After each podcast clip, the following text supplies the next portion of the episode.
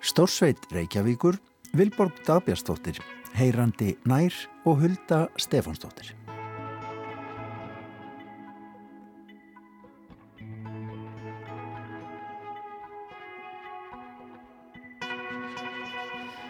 Í þættidagsins hugum við að funkaðri og kraftmikilli klúpatónlist þýsk rúmenska tónskáldsins, hljómsveitastjórans og básúnu leikarans Peters Herbolsheimer en nú á miðugudaginn, þann 22. september, stýgur Stórsveit Reykjavíkur á stokk í Flóa í Hörpu undir stjórn Samuels Jóns Samuelssonar og leikur verk eftir þetta magnaða tónskáld. Samuel kíkir til okkar í hljóðstofu og segir frá kynnum sínum af Peter Herbolsheimer og komandi tónleikum. Við heimsækjum líka Berg Contemporary Galleríið við Klappastík en þar var opnuð um helgina síningin Upphafið er í miðjunni eða In Media Res. Þar sínir Hulda Stefansdóttir listmálari verksín en í hugmyndafræðilegri leitsinni og umfjöllunum málverkið sem miðil þá tegir Hulda sig jamt aftur í fornesku hellamálverkana og inn í framtíð þessa hillandi listmiðils. Arljótur Sigursson býður fram tónlistarhornið sitt góða, heyrandi nær og tekur á þessu sinni upp þráðinn frá því í síðustu viku. Við heyrum af vangaveltum og sögu grúski Arljóts um tengsl, skákar og lista með tilliti til samtíðarmannana Sergeis Prokofjevs og Marcels Duchamp. En fyrst eftirminnileg rött úr íslensku bókmyndalífi sem nú skilur við.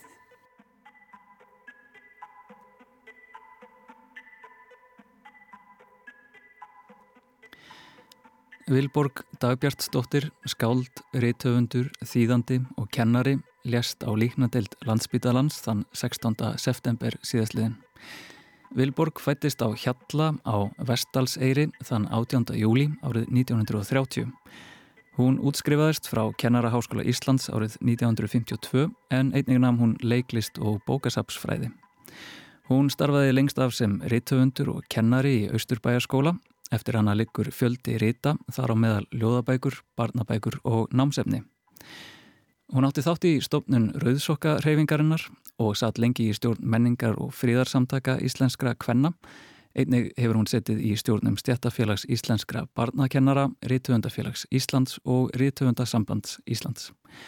Fyrsta ljóðbók hennar kom út árið 1960 og þótti hún nokkuð framúrstefnulegt ljóðskald á þeim tíma og upp frá því fylgdu fleiri ljóðabækur sem nú er hægt að nálgast í samritinu Ljóðasam Vilborg Dagbjartsdóttir sem kom út árið 2015 hjá Jóðp Vaff.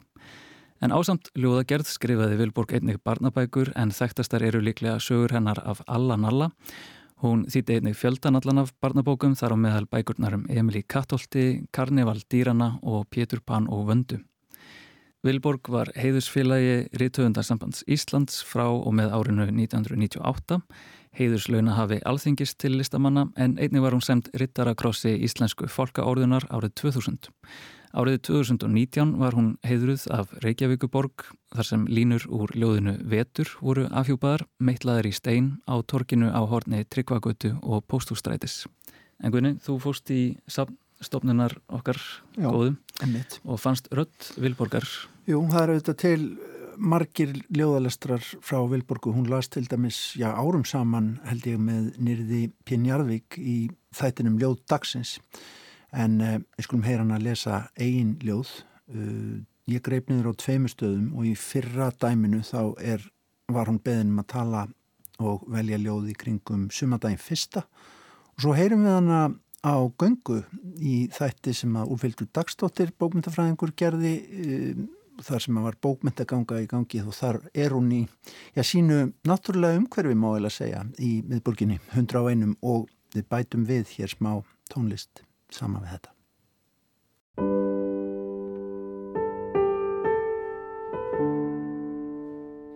Raunveruleiki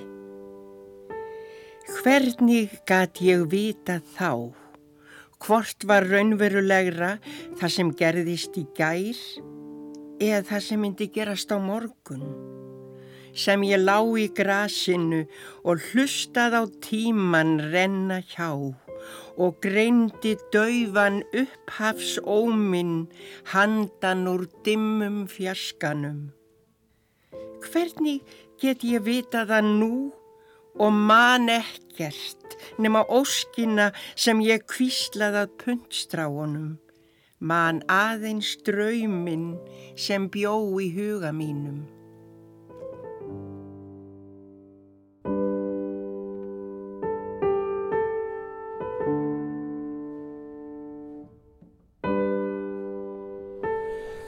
Reykjavíkur stemning Árum saman hef ég gengið um göturnar hérna og minnst fjallanna heima.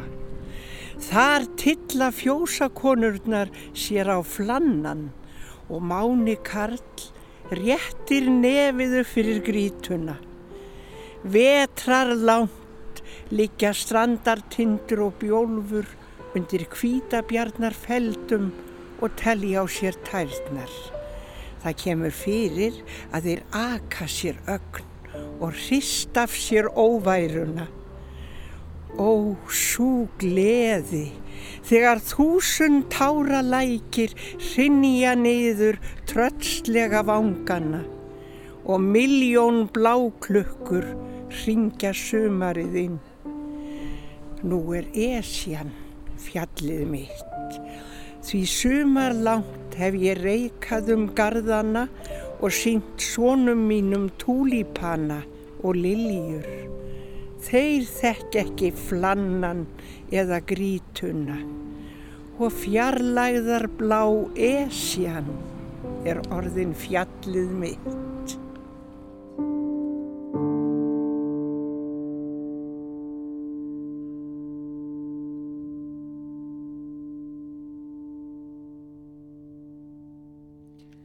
Nokkru tónar frá tónlistamannum Anwar Brahem hér á eftir ljóðalestri Vilborgar Dabjastóttur heitinar.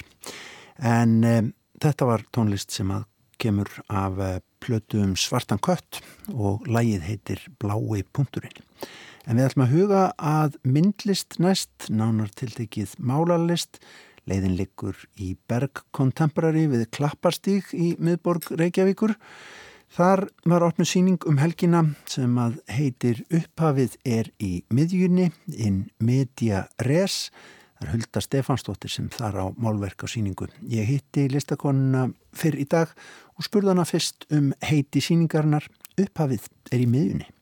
Já, titillin er hérna uh, beintengtur í minni nálgun í, í, í vinnuferlinu og bara almennt nálgunni við hérna myndsköpun e, þar sem að mér finnst í rauninni ég aldrei vera að byrja eitthvað tiltekið eitt og, og, og ljúka því heldur eins og ég sé alltaf stött í miðjunni á ykkur ferli sem að ég kom að fyrir lungu síðan og, og mun halda áfram með sko. Mm. Einhverjum tíma ás í rauninni. Já, já. Þá erum við auðvitað að tala um núið. Já, þá er ég að tala um hérna myndu núvitund sem við öllum erum, erum að býðast að ná. Já, við erum bara alltaf að, að setja okkur sem markmið. Já. já, og það lýsir bara uh, sagt, þessu. E, finnst mér príðilega hvernig ég svona flakka á milli í rauninni e, og er í samtali við eldri verk mín og eldri verk í listasögunni og, og bara myndsköpun almennt í, í gegnum söguna sem ég finnst alveg brjálaðislega áhugavert þessi þörf mannsins, kníjandi þörf fyrir að, að tjá sig í myndrænu formi, bara rýsu upp í, í hellinum og, og, og rista í stein, ykkur, ykkur tákn, þannig að, að hérna og svo þessi óendarlegu möguleikar til framtíðar sem að ég bara er samfærðum að, að, að þessi æfaforni miðill málagsins býr yfir en þá. Mm. Og þú ætlar að elda? Ég ætla að elda það og fara þá og feta þá slóð áfram, mm. já. Og þetta er sem sagt hugtak sem að, þetta er svona óbein þýðingur hugtaki sem heitir media res og er svona í, í, í miðjum klíðum eða í atbyrðarás miðri, þetta er eh, notað, skils mér í bókmöntafræði til dæmis, að þegar að, að sko frásagnin hefst í miðri atbyrðarás kvikmyndum líka, leikhúsi sennilega og, og uh, mér fannst það líka tengjast í rauninni ytri aðstæðum okkar e, við erum alltaf að býða eftir að heimsfaraldrinum ljúki og eitthvað annað byrji en kannski eru við bara alltaf í miðri ringeiðu atbyrða sem að, að hérna sem eitt svona bara tekur endalust við af öðru. Heldur betur. En það er forveitinlegt að nefnin sko far, vil ég fara með mann eiginlega alveg aftur í hellana og hellamálverkina því að maður upplifir svona einhverja hjartengingu í já, litapalettinu til dæmis. Hérna er reyndar líka að því að manni finnst himneski litir, bláir, bláir er aldrei ábyrjandi en það er líka þessi svona þessi jarðartótt ansi við það og, og, og náttúrulega eins og leirtilfinning. Mm -hmm. Það er jörðin og svörðurinn að ég er líka að fara með okkur í bara jarðulögin og ný, jörðina frekar en að dvelja á yfirborði landslagsins. Og finnst mér hérna, já, það er þessi svona fortíðar, já, hugsun sem að tengist time up verkaröðinni sem er hérna í innriðsalnum og það er verkaröðu til bókverk sem að kom út uh, á síðasta ári og fór nú lítið fyrir uh, í ljósi aðstæna en, en ég vann þetta bókverk með henni Otni Eir Ævastóttur mm. Og það má eiginlega segja að það sé kannski ykkur svona ykkur uh, samantækt á, á samtali sem að hófst okkar á milli þegar við byggum uh, samtíða í New York 2003, 2004, 2005 og, og hérna og uh, innsetningar sem ég mann þá í, í síningar heimagalleri sem að hún og, og Uggibráðarinnar Ævarsson, fortlega fræðingur, voru með í Brúklinn. Í framhald af þessu fer ég svo að gera tilraunir einmitt með þunnan bómöllastrega, þannig að sko ekki bara að byggja upp myndflutin í mörgum þunnum lögum, heldur bókstaflega sko gera mörg lög af þunnum strega. Mm. Þar sem að ég legg fyrsta lagið mála á og strekki svo annað lag yfir og það blæðir eitthvað í gegn. Kanski svolítil fortið sem blæðir í gegn og kemur upp á yfirborðið og svo má náttúrulega leika sér endalust með það því að í sumum af þessum verkum og, og eins stóru verkunum þá hef ég svo tekið yfirlægið af aftur. Sko, ég veit að þú hefur verið í, í þessu daldið áfram núna í, í ástandinu í hérna sem við ást að tala um áðan sem við erum alltaf að býðast til að ljúki en við kannski bara er, er, er hluta lífinu. Það er að segja COVID. Mm -hmm, Já Hvernig hérna, hefur þú tróðið þetta í einhverja ákveðin áttir í framaldi að því? Eða? Ég get ekki sagt að það sé beint COVID tengt mm. en það er að vísu eitt verk hérna sem heitir COVID Time Up. Nú, byttu við. Er, hérna. Þetta rauða hérna, já, já, eða bleika. Já. Já. Já, þannig að það er aðeins, þetta kemur aðeins inn. Þetta kemur aðeins inn, kemur aðeins inn og, og, en svona í samtali við annað, ég meina við erum með móternisman kannski svolítið þarna og við erum með hérna e, jörðina. Já, einmitt. Og jörðin, sko, nú er ég þannig þengjandi að ég fer stundum hérna í stóra salnum að lesa eitthvað, einhvers konar landslag, maður er svo mengaður af landslagi kannski, en er það er, ertu fyrir beinum áhrifum af náttúrunni?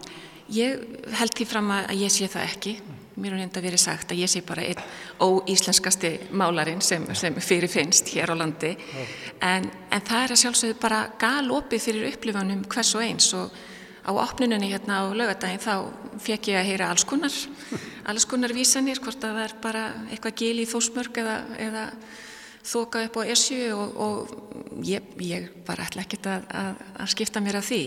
Þú stoppar okkur ekkert í þeir okkar tólkunum? Nei, en ég hef svona aðeins sko, yfirleitt er ég, hef ég verið bara með sko yfirskrift sem er titil síningar sem ég svona geng út frá en ekki titlað einstök verk. En ég er aðeins að færa mig meira upp á skaftið með það. Og það er til dæmis eins og þetta þarna e, gráa, stóra silfur jarðar, moldar, eitthvað svona tótn í því.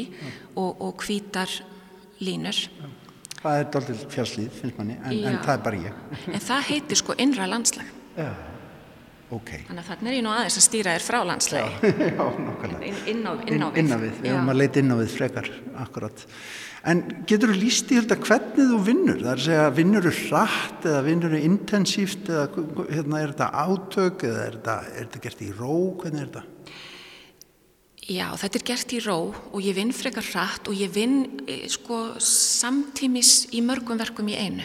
Þannig að það er alltaf þetta samtal líka á vinnustofunni. Mm.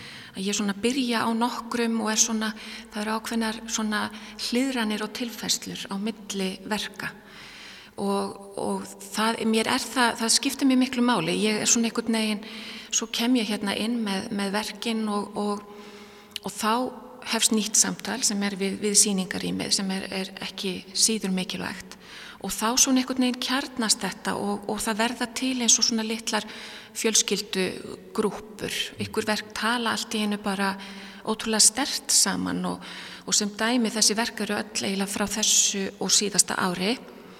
Eh, time map uh, spannar sko aftur til 2016 en það er líka bara ég held áfram að bæta í þá verkaröð. Mm -hmm. Reglulega. En svo allt í einu er hérna eitt verk sem er frá ornu 2017 og var á síningu í Hafnaborg þá. Það bara vildi vera með. Já. og fekk það. það? Já og fekk það. Sko þú har eins og segir aðan að vera stattur í miðjunni uh, síningar eru eiginlega eins og hvað ég segja þangastrygg eða, eða komur eða semikonur komur á ferlinum, eða ekki? Jú, þær eru ákveðin svona, ykkur, ykkur svona bautasteinn en, en svo heldur maður bara áfram og það eru auðvitað verk sem ég vann núna sem að fundu sér ekki sín samastað hér og, og þau halda áfram að fara bara aftur upp á vinnustofu og, og, og eignast nýja félaga þar. Þannig að ég, það er svona mín nálgun við, við eh, myndsköpunina að, að ég sé í rauninni aldrei að byrja eitthvað nýtt eða endanlega ljúka einhverju tilteknu, heldur svona alltaf bara í miðri atbyrðarás. Hvað er það sem kveikir hugmyndirnar? Hvernig ferðu, hvaðan kemur inspirasjón til þess að kveikja einhvern veginn, einhverja myndbyggingu á, á fleti? Sko ég, ég sæki svolítið í, í, í samtal við listasöguna en líka samtíman. Mér finnst að skipta máli að það sé eitthvað svona ykkur tilfinning fyrir ykkuru fornu og ykkuru splungu nýju og möguleg ykkuru sem að bara vísar langt fram í tíman. E, það eru litir og það eru form, það eru reyfing á hennum stilta myndfleti og svo kyrstaðan og það er þetta lárétta sem þú ferð inn í og það er þetta lóðrétta og svona samspil þessara þáttar en auðvitað er það liturinn sem er algjör svona kveikja. Lítur og myndbygging sem að tvent verður að koma saman í harmoníu. Já, mm. og það bara er allur gangar á því hvort að það gerist eða ekki.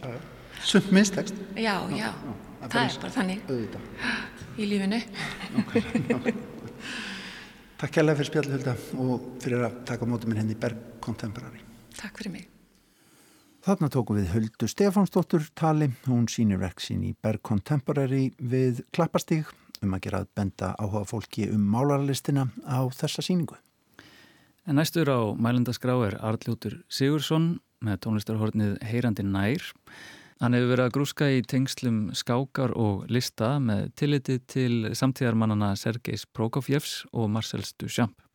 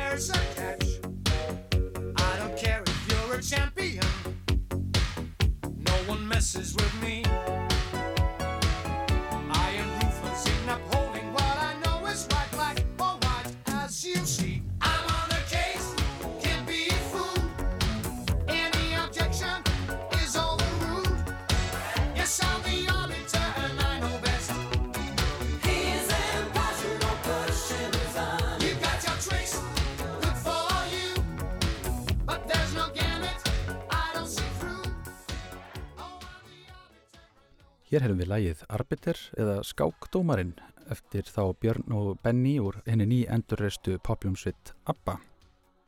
Skák og list var heyrandi nær hugleikið í síðustu viku en lengi má vatnið sækja í þann börun svo nú fáum við örlitið framhald á venslum skákarinnar og listarinnar. Skákin býr yfir möguleikum sem endalust er hægt að velta fyrir sér. Hægt er að líta á skák sem leik, íþrótt, vísindi eða tungumál, heimsbyggi, ljóð, starfræðu og raukfræði og viðskipti og svo er hún að sjálfsögðu líka ansi gott hobby fyrir nörda. Möguleikarnir í skák eru stjarnfræðilega óendanlegir. Eftir aðeins þrjá leiki eru mögulegar skákstöður taldar yfir 121 miljón. Sá fjöldi fer svo veldisvaksandi með hverri tilfæringu talmanns á reytunum 64. Í þessari ótæmandi lind möguleika er það svo hvers skákmanns að velja sér leið í gegnum þykka stjörnu þókuna. En hvaða skrefir tekið í hverri stöðu fyrir sig afhjúpar svo stíl hvers skákmanns. Skákstílinn er jafnan í takt við hinn innri mann og endur spekla skákinn þá skaphöfn eða hugsunagang þess sem teflir og gildismatt. Sumir eru hæglátir og tefla örugar stöðuskákir eða svo kallaða pósa, aðrir eru svo litið geggjari og tefla skarpt. Hugmyndaauðgi er kostur í skák og margar fallegustu leikfleiturnar eru framkvæmdar með skapandi hugsun þar sem jafnvel ólíklegasti leikurinn á borðinu, til dæmis að leggja drottninguna sína ofan í þrælvaldaðan reyt anstæðingsins, er við nánari aðtugun ekki fíbldyrska heldur innsægi snillings sem kemur auðga á tækifæri þar sem minnst von var á. Þegar telt er á ofsarhaða í lifturskák með lítinn tíma á klukkunni þarf að tefla hratt og má var alltaf að stoppa til að hugsa. Það svipar til snarstefinar í hröðu tempói bíbopsins þar sem hljómagangarnir mæta manni óðfluga og engin tími til að sittjast niður og pæla heldur þarf að leika í samræmi við stöðuna og það strax.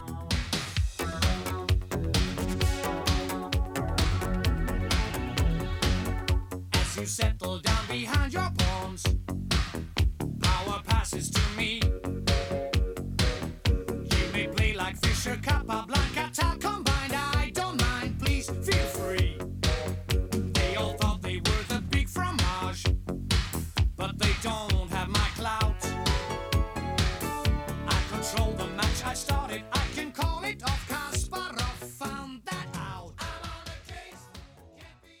Tónskaldið og skáksnellingurinn Fílidor sem fjallað var um í síðasta þætti síndi fram á mikilvægi peða uppröðunar og kallaði peðin sál skákarinnar. Þau orð bergmála við frönsku byltinguna þar sem fólkið tók til sín valdið. Svo má við því bæta að margar þjóður, Danmörk þar á meðal, kallar peðin ekki peð, heldur bændur. Skákin fór svo í gegnum romantist tímabil samhliða öðrum liststefnum á sínum tíma og þær skákir sem teldar voru í romantiskum stíl innkendust af forvísi og sókndirfsku hvar efnishyggjan laud fyrir andans hetjudáðum. Engin meðalmennska dugar í slíkri baráttu og hreinlega að duga eða drepast. Margar stórkostlegustu skákir sjögunar voru teldar á þessu tímabili þar sem nánast öllu liði var fornað fyrir snirtilegt peðsmátt á inni króðum kong anstæðingsins. Samhliða skotgravarhernaði fyrir heimstyrjaldarinnar tók því næst við móternismi í skáklistinni, þó hugtakið hýpermóternismi sé alla jafna notað en stílinn rýmaði við herrkjensku styrjaldarinnar sem undan fór og líktust ymitt skotgrafarhernaðinum. Beðið var með framláspeðana á miðborðið og reynd var að stjórna þeim vígvelli úr fjarska. Til þess var langdrægum biskupunum komið fyrir innan í peða víggerðingum og skákstílinn líkti eftir umheiminum og var þannig tímans tákn. Heimsbyggingurinn Ludvík Wittgenstein notaði skák til að skýra betur heimsbyggi hugmyndir sínar. Eftir honum er haft, þegar manni er síndur kongur í mandafli og sagt er við hann, þetta er kongurinn, segir það honum ekki hvernig talpmaðurinn er notaður, ekki nema hann kunni reglur leiksins fram að þessu síðasta atriði, lögun kongsins. Það mætti hugsa sér að viðkomandi hafi lært leikreglunar án þess að hafa nokkur tíman séð taplmann. Lögun taplmannsins samsvarar í þessu samhengi hljóði eða mynd orðs. En fáum nú að heyra það sem mætti kalla tónlistarlegt miðtapl úr öðrum þætti ballettverks Sergei Prokofjevs, Rómjó og Júliu, þekkt undir nafninu Dance of the Nights eða Dans Riddarana. Gjör svo vel.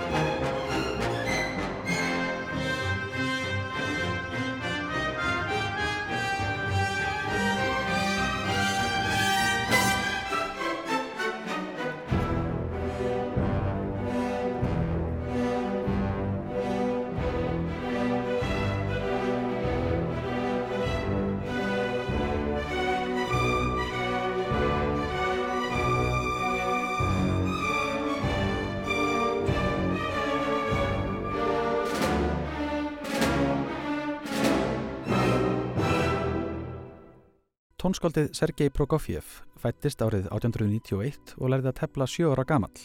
Afreg hans á sviði skáklistarinnar eru nokkur en hann sigraði þá verðandi heimsmystara Jose Raúl Capablanca í fjöldtepli í Santi Petersborg árið 1914 en með þeim tókst mikill vinskapur sem endist æfina út. Prokofjev sendi honum hamingjóska skeiti þegar vel tókst til við skákborðið en ávíti hann einning fyrir tapaðar skákir og skammaði hann fyrir leti.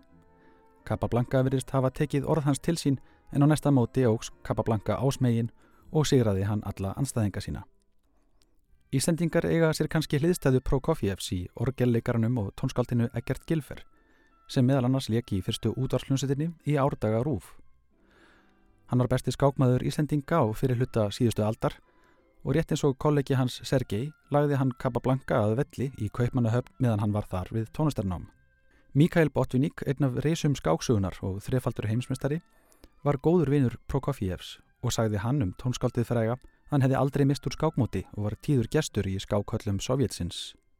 Botvinnik listi Prokofjev sem hugdjörfum og árásargjörnum skákmanni sem útsetti sókninar sínar mistaralega þó svo eitthvað vantaði upp á varnarleikin. Árið 1933 mætti svo tónskáldið stórmistaranum og skákgóðsögninni Savieli Tartakover við skákborðið og teltu þeir tvær skákir sigraði Sergei mistaran í annari skákinni en hinn í lauk með jafntefli. Að sigra slíkan mistara er mikil áskorun og sínir greinilega styrk Prokofiev við skákborðið.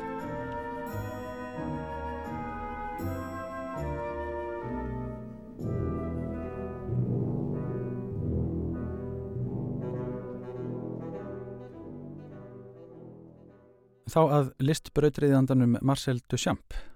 Hann veldi meina að skák væri list og lengi helgaði hann sig skákiðjunni Kaisu og vann meðal annars glæsta sigra á þeim Koltanovski og Snosko Borovski.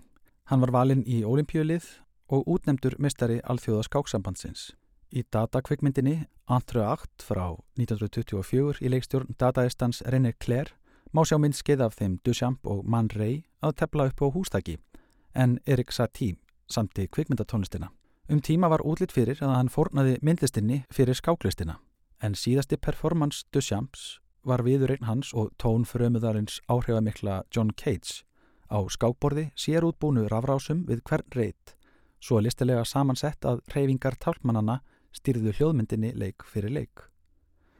Áður en við heyrum svo brott úr þessu skák tónlistarverki þeirra, Reunion eða Endurfundir frá 1968, kemur hér örstutt tilvitnun í Marcel Duchamp. Taflmennir eru stafróið sem mótar hugsanirnar og þessar hugsanir þrátt fyrir sína myndrænu hönnun á skákborðinu sína fegurð sína á óhlutbundin hátt, líkt og ljóð. Ég hef komist að þeirri personulegu niðurstöðu að þó ekki séu allir listamenn skákmenn, þá séu allir skákmenn listamenn. Fleira var ekki í pislinum að þessu síni. Heyrandi nær þakkar hlust, góðar stundir.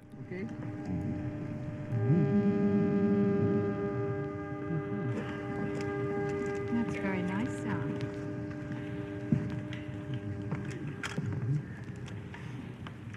Not perfect didn't make any noise. No, but it was the it was still the king's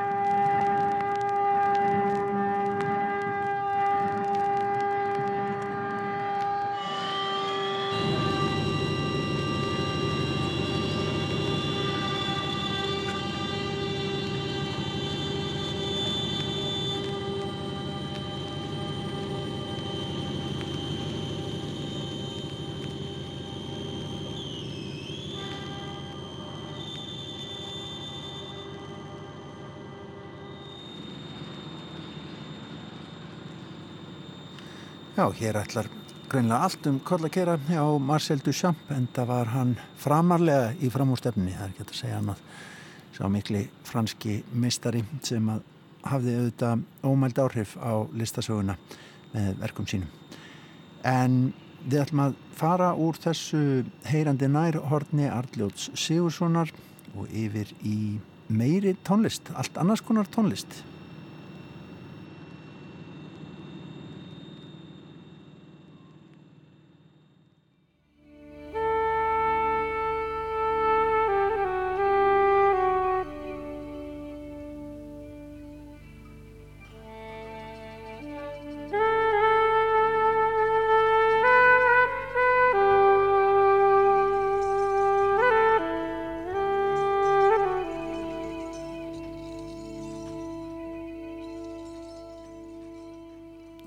Nokkra tóna eftir þísk-rúmenska tónskaldið, hljómsveitastjóran og básúnuleikaran Peter Herboltzheimer.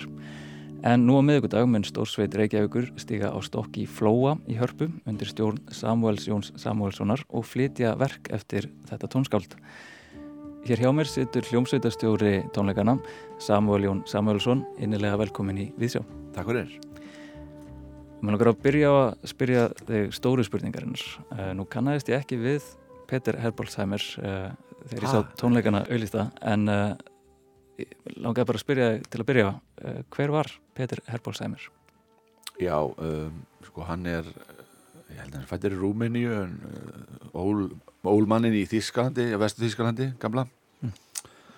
og ég veit svo sem lítið um hans persarlega hægi sko um, hann er fættir á gamla ástag held ég, 31. desember og uh, hann hérna var hljómsættastjóri rak einn hljómsætt sem að byrjaði 1969 skastrík 70 uppræðilega var að kalluð MPS Rhythm Combination and Brass. Uh, MPS var þýst blötufyrirtæki sem að, var gert út frá svartaskógi eða þar í kring. Og er svona mjög djúsi svona orginal blötuleipa líka fyrir, fyrir svona sérstaklega vínilsamnara í dag. Það var svona mikið kallt status í kringum margt frá þeim hann, sagt, svo breytist nafnið yfir í Peter Herbolzheimer Rhythm Combination and Brass og, og hann var ekki með svona hefðbundi big band eins og hafði verið þekkt fram að því. Hann, hann var, í upphafi var hann með hrinsveit með slagverki og hammondorgeli og svo var hann fjóra tromputa, fjóra básunur og svo einn til tvo saxofónleikara og hann hann fannst saxofón seksjónin, þessi hefðbundna, fimm saxofónar ekki nógu svona bæt Eh, svona rithmist hérna þengjandi, þannig að hann var bara með saxofónuna sem laglinu og sólista og þannig að hann svona bjóð aldrei til svona sitt uh, svona sound með þess innan þessa big band geira og, og starfætti þetta band uh, mjög öflugt og allan 8. áratun gerir fjöldaplatna undir þessu konsepti mm. setna breytist bandið uh, upp af nýjunda áratúrins þá, þá fór hann aftur í þessa það var svona traditionalt uh, big band eða stórsveitir sem við segjum í íslensku uh, með fimm saxofónum, fjórum tromputum, fjórum básum og þá fór hann að gera bara aðra músík og en það er þessi, þessi 70's, þessi 8. áratugs uh, arflið þessa, þessa verkefni sem að hefur alltaf höfðað til mín og heila mig og, mm. og hafði mikil áhrif á mig sem bara ungan uh, tónlistanema á sín tíma og það var kennari minn hérna, Edvard Fredriksson sem að mætti með vínilblötu með þessu þessu frábæra bandi á sínum tíma og leiði mér að hérna, gópera yfir á kassettu. Og þetta var svona mikil uppáhaldsmusík.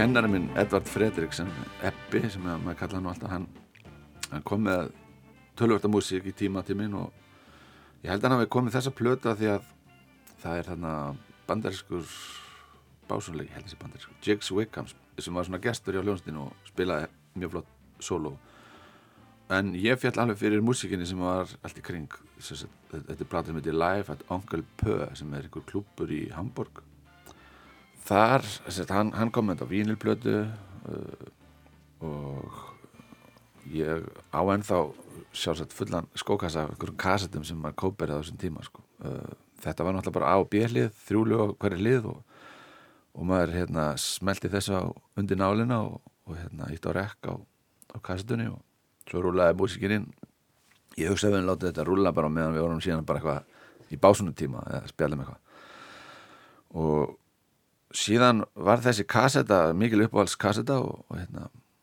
svo langaði maður alltaf að eignast þessa músík af því að þetta er sko 90 og kannski 94, 5, 6 eitthvað. Þetta er, þetta er í þetta og hérna og þarna er náttúrulega geisladisk á öldin alveg að það allir þannig að ég mér langaði að eignast þetta geisladisk og fann þetta setna á seti. En í setni tíð hef ég fundið þetta síðan ég kefti þetta í gennum Discogs veist, nú ámæður þetta vínlilinn sko aftur. En þessi kasseta, það er gaman að segja fyrir því hún var líka mikil áhrifaldur því að nokkur ára senna og byrjaði hljóset sem heitir Jaguar og hétt Jaguar og yngi bassarleikari í þeirri hljóset hann átti gamlan Mercedes 70's Mercedes Benz og, og með kassetu spilara og þessi kasseta endaði í þessum bíl og var eiginlega bara svona aðal kasseta í þessum bíl og við vorum mikið á þessum bíl að keira á æfingar og, og alls konar og, og hérna, þetta var svona mikil uppáhaldskasta hjá okkur í Jaguar kastaformið er alveg skemmtilegt. Þetta hafði mikil áhrif á mann líka þegar maður var unglingur og maður náttúrulega kóperaði bjósið til svona mixtape til þess að vera með þegar maður var í í bæjavinnunu og eitthvað. Þannig að svo í setni tíð er ég farin að kaupa aftur kassetur og samkað með kassetutækjum en þetta er einhver svona nostalgi í mér.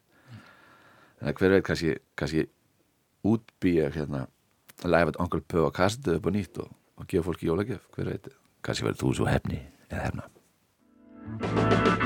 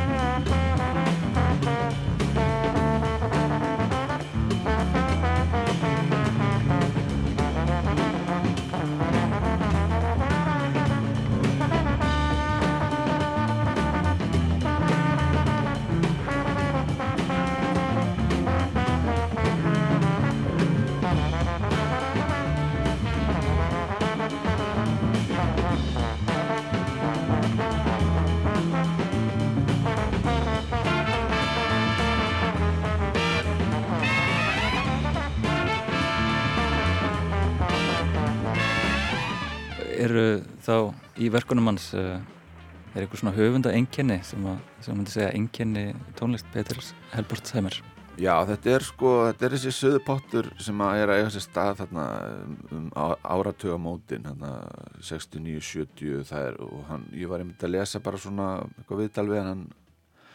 Veist, hann talar um áhrifvalda er, veist, hljónstir eins og Blood, Sweat and Tears og Tower of Power og Earth, Wind and Fire og þetta svona þessi eitthvað sem við myndum kannski kalla fusion í dag en var, hugtak sem var ekki til á sín tíma og það er bara, veist, það er alls konar suður-amerísk áhrif komin inn, rock áhrif uh, og svona tólist annara heimsálfa sem eru svona komin inn í einhvern veginn jazz heiminn og, og rock heimurinn og þeir svona renna saman veist, Santana og, og alls konar spennandi hlutir að gerast á svona tíma. Og hann svona tekur þetta blúprint aldrei og, og hérna býr til big band í kringu þetta mm. og, sko megni af efninu sem að þeir spila er tónlist eftir hann en það er líka hann, hann útsetti líka tónlist eftir Freddie Hubbard og, og hérna, Nat Adderley og fleiri sem að setti svona sín enginni á þetta er mjög rithmist, svona funky dót sko og það eru alveg opnir og langir solokablar og, og hérna, þeir sem þekkja mína tónlist þeir eru bara veist, heyra ég er bara að lýsa eila minni tónlist þannig að þetta er svona major áhrifaldur á, á, á hvernig ég hugsa einmitt sko big band. Ég, ég tók eftir því að það er mikil speiklun í, í hlutverkum ykkar þeir eru báðir uh, básunuleikarar, þeir eru stórsveitastjórar og, og tónskáld. Já. og finnur þú fyrir því að þið eruð að hugsa stórsveitina einmitt mjög svipað þú og Petur Já, já og nei sko. Ég, veist, ég myndi ekki segja að ég sé neitt að kópera það sem hann er að gera uh, en hann er sko stór áhrifavaldur á það sem ég hef gert á samt mörgu öðru. Mm. svolítið gaman að segja frá því að því að maður er svona, svo, svona, svona plötusamnari líka og ég hef lagt mikla orku og, og peninga í að finna þessa plötur sko, orginalprintin og, og, og bara orginalplötunar sko, þetta var nú alveg ófáanlegt. Fyrst var ekki búið endur útgefa nýtt og svo séti ég um þegar maður kynntist þessu og maður kæfti það allt eða það kom og svo hefur maður fundið vínilplötunar líka. Og hérna og nú er ég eiginlega búin að taka þetta einu skrefi lengra, veist, margir svona blötusafnarar ég er að kaupa orginalprintin og nú er ég fyrir henni búin að finna, sko, ég fann sonans ég gennum alnetið núna í kófinu þegar maður var svona aðgerðalus heima og, og þá, þess er ég búin að kefti ég já, ég sendi hann að lista af svona mín, það sem er mér langaði, hann átti nú ekki allt en hann einhverju vöru skemmu í Hamburg sagði þess að hann væri, sérst, nótnasamnið og hann, hann seldi mér nýju útsendingar og ég hugsa þetta bara svona fyrir minn eigin nördaskap að eiga þetta bara til að skoða hvernig, hvernig þetta er gert og svona. Og svo sagði ég bara stórsveitinni að hérna, ég ætti þetta prógram og væri endilega til að gera þetta um og það passaði vel núni í haust. En þetta er svona fyrir mig er þetta svona daldið eins og ég, ég var sagði, sagði þetta við hljómsundinu sko, ég er eiginlega DJ að sett þar sem ég er búin að velja músíkina. En ég er einhvern veginn að gera hann live og, veist, og ég, ég hef valdið þess að veist, taka út bassan í fjóratakta eða, eða veist, þetta er svona þetta er algjör forréttinda stað að standa fyrir fram að svona band og vera svona nett að síkonsera það sko, þetta er doldið það sem ég gerir með mitt eigi band en nú er ég að veist, spila eina aðra uppáhaldsmusík sko eftir, eftir þennan gæja. Og þetta er svona eins og sé, þetta er svona ultimate, kannski sapnara hérna, stíð að í staðan fyrir að finna uppröðanlegu pressun á plötinn þá er ég búin að finna sko, uppröðanlegu sko, skorin sem voru nótið þegar músíkinn var tekinn upp. Þannig að þetta er svona alveg þetta er alveg tímavel og handskriftir hans er á þessu og hann skrifar undir árið og nafni sitt þegar hann er búin, búin með útsetningar þannig að þetta er, fyrir mér er þetta búin að vera stórkastlegt ferðalega að grúska í þessu. Já, þannig að þið eru að spila beint upp úr uppröðanlegu útsetningunum hans Já, megna á sig eru svona ljósitt af bara handskrifu dóti og sumt er svona, þetta er svona áður en tölvan kemur til söguna til þess að hjálpa fólki að, að hérna, hann er að það er alls konar svona flíti aðferðir sem maður sér líka, veist, það er ekki verið að skrifa hlutina tvísvar heldur, það er skrifað hérna, þessi taktur ábæður eins og taktur nummið sjö og svona alls konar svona hlutir sem gera líka aðeins flóknara stjórnessu sko því að partitúrarnir skorið er svolítið út um allt einhvern veginn en það er mjög gaman að sjá samt hvernig menn gerðu þetta á þessum tíma líka. Og þetta er svona, sé, ég, fyrir mig er þetta svona okkur ferðalag í hérna, þetta er svona pílagrima för og ótrúlega gaman að fá að enda þetta einhvern veginn þennan kabla þessa ferðalags með því að stóðsett Reykjavíkur spilar þetta og ég fæði að stjórna og var algjör draumur sko. og þú, já, þú kemur nú vanlega fram með, með þínu eigin byggbandi já. og hver myndur þú segja að munurinn sé að, að stjórna stórsveit Reykjavíkur og þínu eigin? Það er kannski bara aðalega er að í mínu einbandi er, að, er bara að spila mína músík, mína frumsenda músík þannig að það er svona átbútt fyrir það og hún er svona hinga til hefur verið mjög svona fang, afríku, skotin músík og meðan stórsveit Reykjavíkur er svona stórsveit sem fæst við hinnar ímsu bækur uh, stórsveitar heðarinnar og veist, allt frá bara Duke Ellington til, til nútímann sko. mm. og ég hef verið meðlum með þar til fjölda ára og, og verið svo heppin að fá að standa fyrir framannana oft líka og mjög gaman og hérna þannig að þetta er bara alveg sitt hvort verkefni og bara styrki hvort annað að séu til og að séu til fleiri fleiri, fleiri hljóstur sem að hérna, auka hvað sem er hilli fólks á þessari músík og þessum, þessari músík sko. Og tónleikanar eru í Flóa í Hörpu næst komandi miðugudag klukkan 8 mm -hmm. Stórsveitir Reykjavíkur Samuel Jón Samuelsson stjórnar verk Peters Herbólsheimer í fyrirrúmi. Þetta Já. verður öruglega stórskendlur viðbyrður það er, ég er búin að vera að hlusta þess að vanna þetta er, uh, þetta er danstónlist. Já, þetta er svona klúb, klúbvæn músík, myndi ég segja. Þetta er svona og mörguleiti uppahals svona tónleikaformati mitt er það svona þú getur eiginlega ekki setið kjör sko en, en það er samt gaman að fara í svona klúb þar sem þú setur og yðar í sætinu sko, þetta er svona ég myndi að þetta veri klúbjazz. Já, þannig að ef, ef þú ágætið hlustandi er til í sæta yð í flóa í hörpu, þá endilega kíkja á heimasíðu hörpu og tryggja sig með Samuel Jón Samuelsson, takk kærlega fyrir spjallið. Takk fyrir mig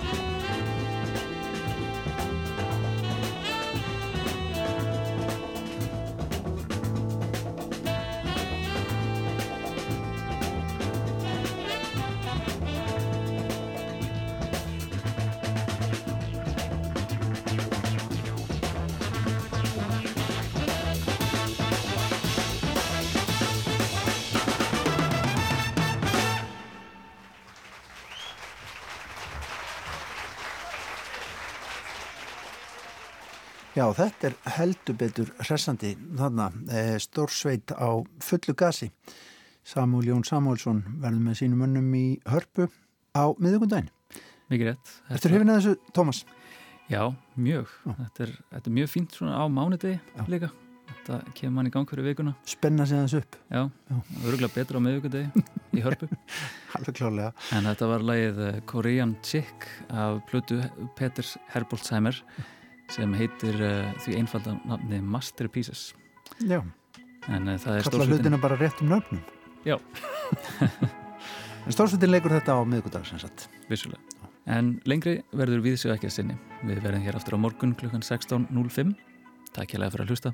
Verðið sæl. Verðið sæl.